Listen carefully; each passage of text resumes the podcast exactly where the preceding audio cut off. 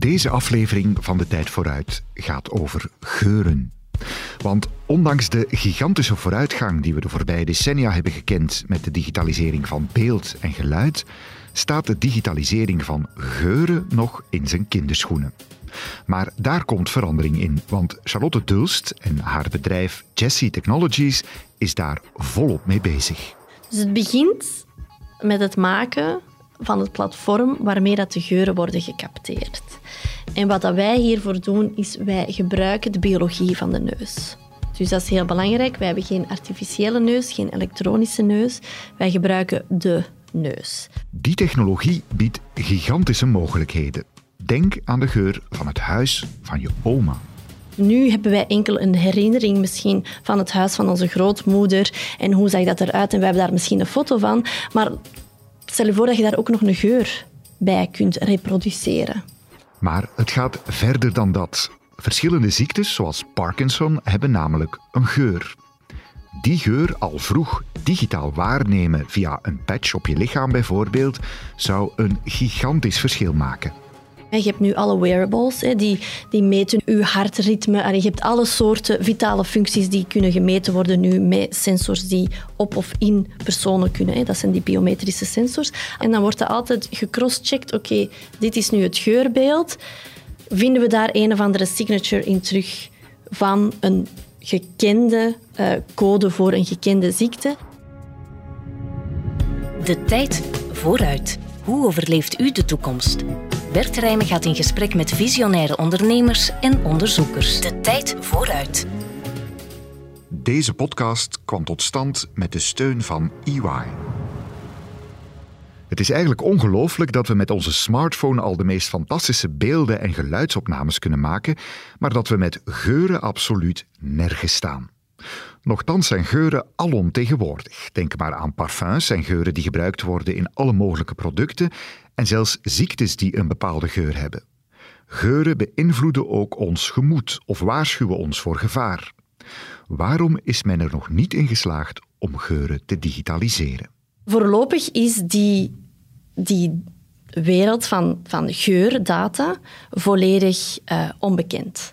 En de grote reden waarom dat die eigenlijk onbekend is, is omdat we geen platform hebben om geuren te capteren en om te zetten in een digitaal signaal. En daar begint het eigenlijk mee als je, een, als je data wilt ontwikkelen of, da of software, dan heb je een bepaald hardware nodig om die signalen, biologische of chemische signalen, om te zetten in digitale informatie. Die Waarbij dan kan... beeld hebben we ooit via een digitale camera kunnen omzetten in digitale data. Dat hebben we nog niet dat hebben we nog niet voor de neus. En, en daar is het eigenlijk uh, waar het grote probleem ligt. Er is dus een duidelijk probleem.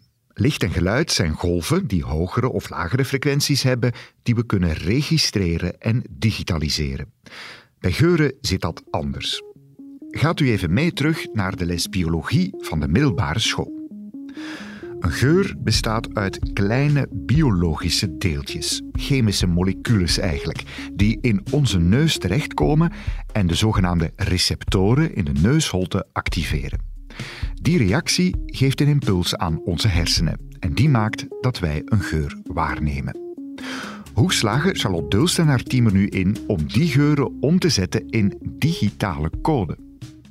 Dus het begint met het maken van het platform waarmee dat de geuren worden gecapteerd. En wat dat wij hiervoor doen, is wij gebruiken de biologie van de neus. Dus dat is heel belangrijk. Wij hebben geen artificiële neus, geen elektronische neus. Wij gebruiken de neus.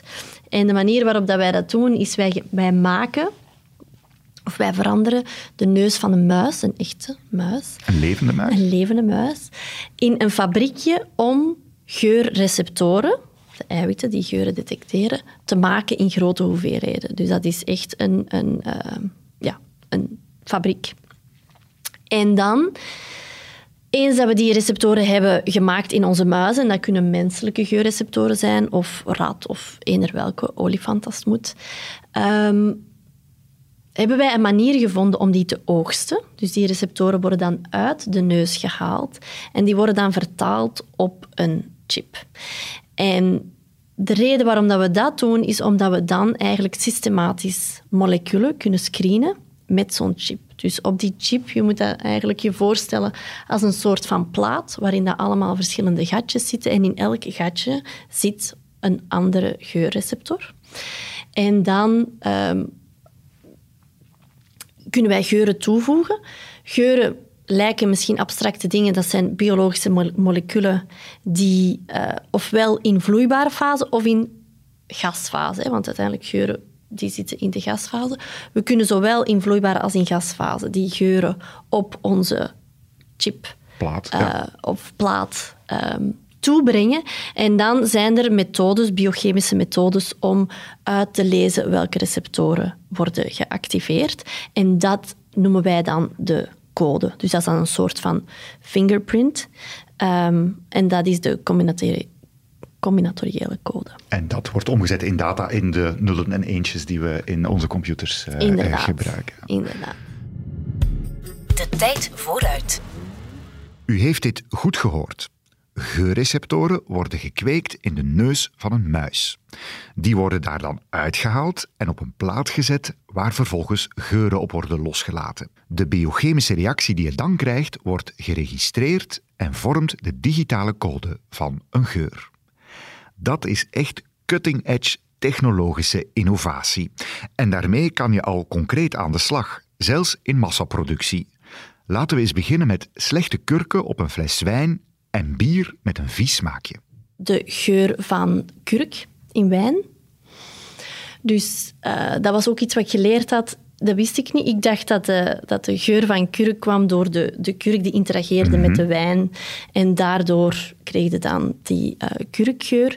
Nu, blijkbaar de kurken die gebruikt worden, een bepaald percentage heeft die geur. Die, die specifieke cork smell. En ze moeten die daar dus uithalen op voorhand eigenlijk. Want het is, Want niet... het is niet goed, je wil dat niet, dat die wijn naar uh, smaakt of ruikt De wijn is eigenlijk perfect oké, maar het is de kurk die al op voorhand die geur heeft. Dus als je nu de geur van kurk kunt decoderen, dan kun je eigenlijk gewoon elke kurk laten over je chip lopen. en, dan, en dan zeg je, oké, deze haalt de threshold niet, want daar zit de geur van, of de, de kurkcode. Uh, en dan haal je die daar bijvoorbeeld uit. Dus dat is één. Een ander is bijvoorbeeld in de bierindustrie. Uh, er zijn uh, wat ze noemen off-flavors. Dus dat zijn smaken, maar dus eigenlijk geuren, die in flesjes terechtkomen nadat ze de, de, de kroonkurk erop hebben. En als je zou kunnen identificeren wat de precursor is van dat, van, van die, van die dat geur, veroorzaakt, ja. dan... Um, dus dat zijn heel specifieke, al redelijk korte termijn toepassingen die je nu kan doen als je de, de receptoren vindt die uh, geactiveerd worden door die kurkgeur of door die off-flavor. Uh, maar daarmee stopt het niet. Deze technologie maakt het niet alleen mogelijk om geuren te herkennen, je kan ook digitaal nieuwe geuren creëren.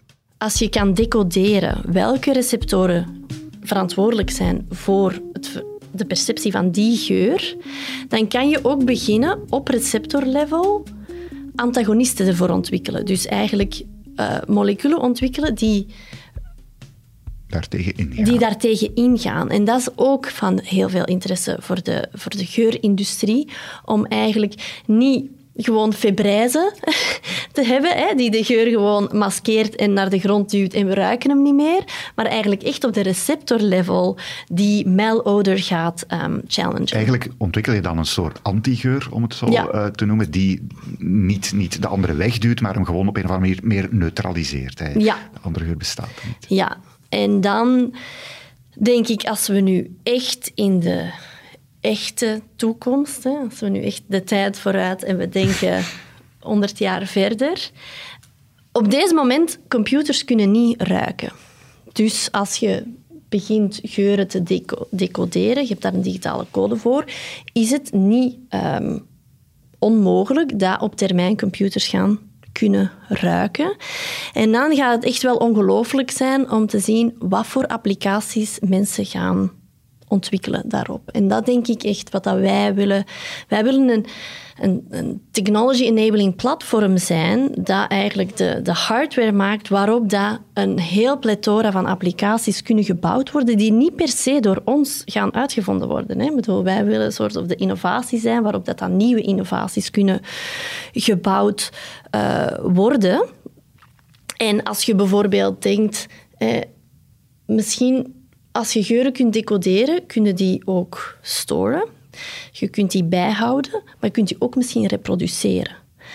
En hè, dat is wat dat je doet met uh, digitale foto's. Stel je voor dat je uh, een foto neemt van je grootmoeders huis maar, of van je favoriete recept van, van, van, van eten, dan kan je dat bijhouden, maar je kan dat misschien ook namaken. En dus nu hebben wij enkel een herinnering misschien van het huis van onze grootmoeder en hoe zag dat eruit en we hebben daar misschien een foto van. Maar stel je voor dat je daar ook nog een geur bij kunt reproduceren. De geur van uh, de uh, appeltaart van mijn grootmoeder in haar keuken uh, ja. zou ik kunnen bijhouden, zoals ik de foto van uh, oma in die keuken uh, ja. ook zou kunnen. De tijd vooruit. Hallo, ik ben Francesca van Thielen. Luister nu naar Inzicht, een podcast over ondernemers en de drive om hun bedrijf digitaal te transformeren. Wat je met een agile en klantgericht ontwerp in een contactcentrum tracht te bekomen, is een focus op u van de eerste keer goed geholpen te hebben. We gaan op zoek naar hoe het hun businessmodel en onze maatschappij fundamenteel kan veranderen. Het tweede seizoen van Inzicht, een podcast van EY in samenwerking met Tijd Connect op je favoriete podcast-app. De tijd vooruit. De geur van de keuken van oma is natuurlijk leuk, maar er is ook de miljardenindustrie van de parfums. Dat is tot nog toe de wereld waar de neuzen centraal staan. Dat is een select clubje van professionele ruikers, mensen die zeer getraind zijn in het herkennen van geuren en ook het artistieke en ambachtelijke creëren van nieuwe parfums. Wat als je dat proces kan digitaliseren?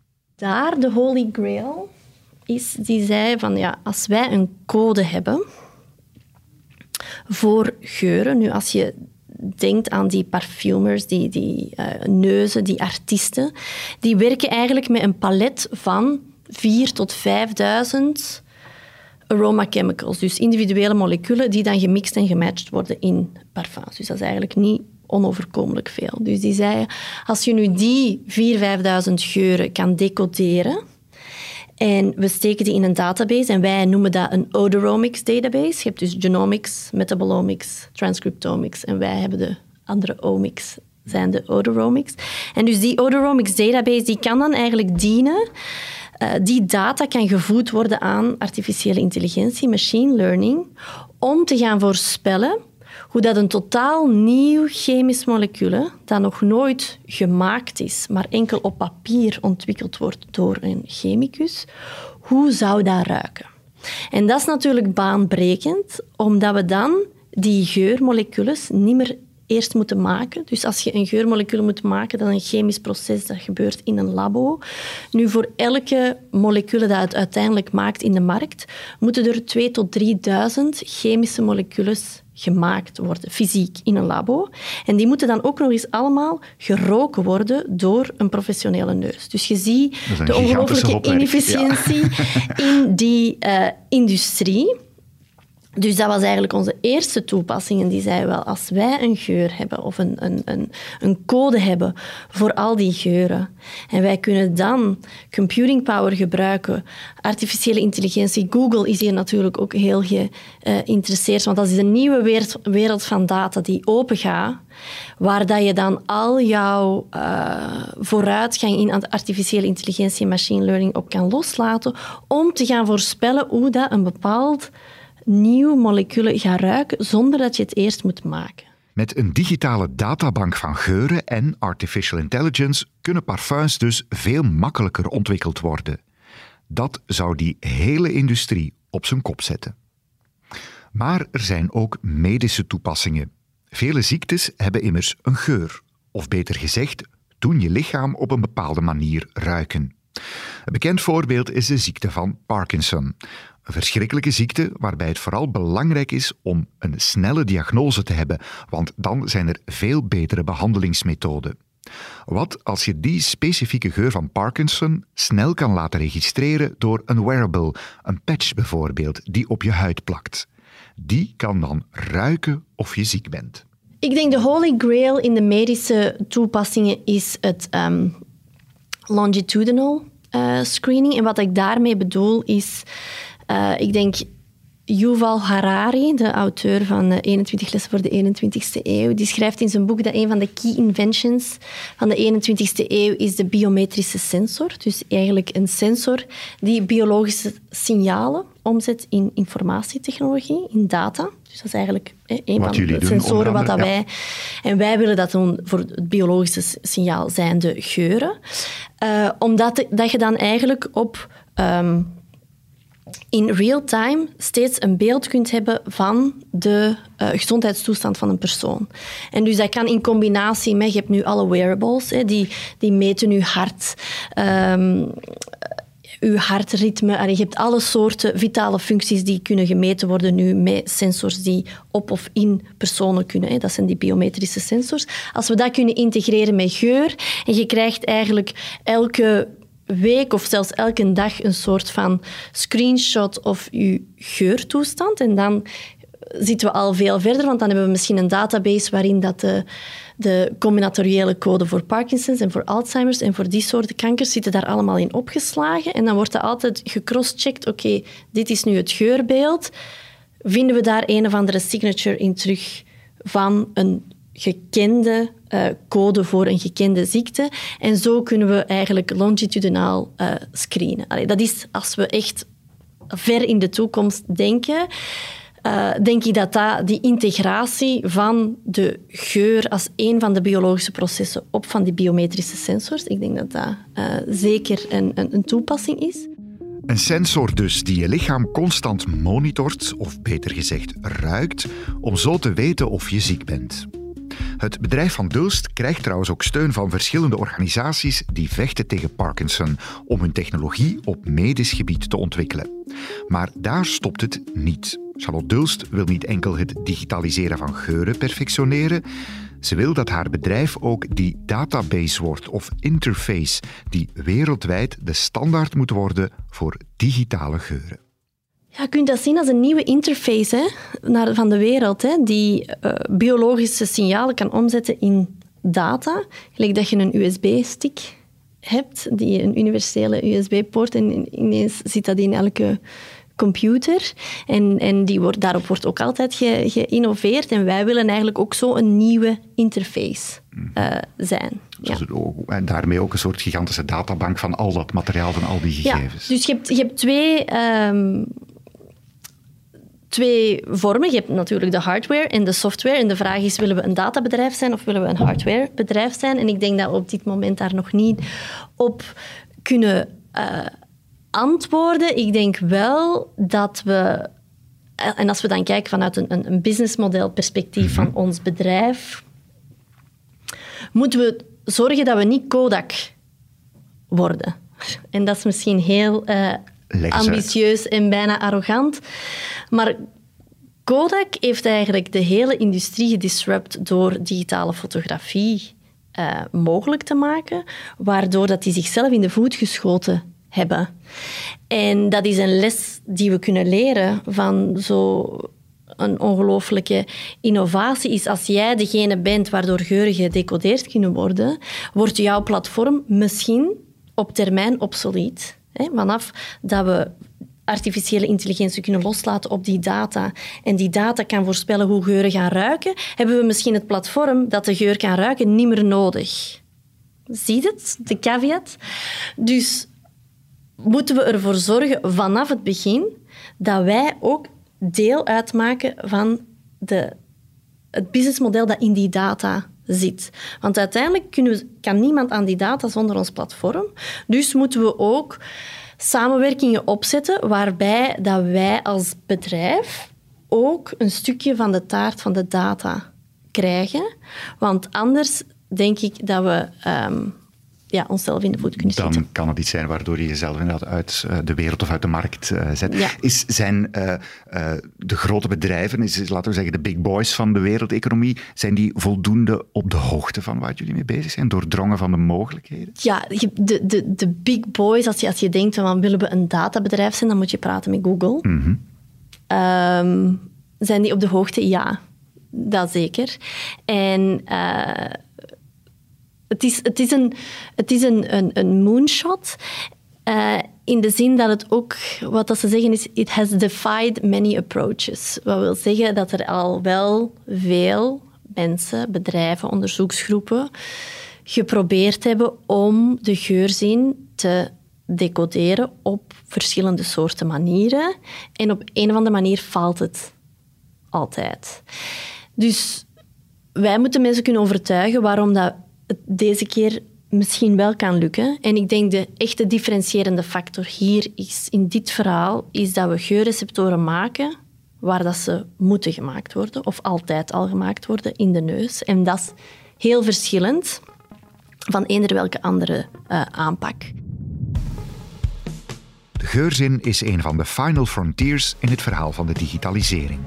Die code definitief kraken opent een wereld waarin we preventief ziektes kunnen opsporen aan de hand van geur, waarin we veel makkelijker nieuwe geuren kunnen creëren en zelfs geuren kunnen opslaan en opnieuw afspelen.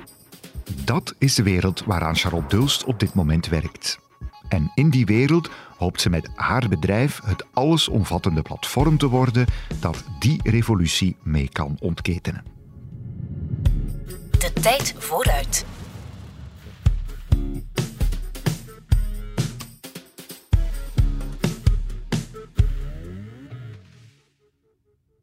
Hallo, ik ben Francesca van Thiele en ik kwam al heel vaak in contact met Belgische bedrijven. En het fascineert mij altijd om te zien hoe de mensen in deze bedrijven omgaan met verandering en nieuwe technologie. En daarom mag ik samen met EY op bezoek bij bedrijven en organisaties die volop bezig zijn met innovatie. Wat je met een agile en klantgericht ontwerp in een contactcentrum tracht te bekomen, is een focus op u van de eerste keer goed geholpen te hebben. We gaan op zoek naar hoe het hun businessmodel en onze maatschappij fundamenteel kan veranderen. Het tweede seizoen van Inzicht, een podcast van EY in samenwerking met Tijd Connect op je favoriete podcast-app.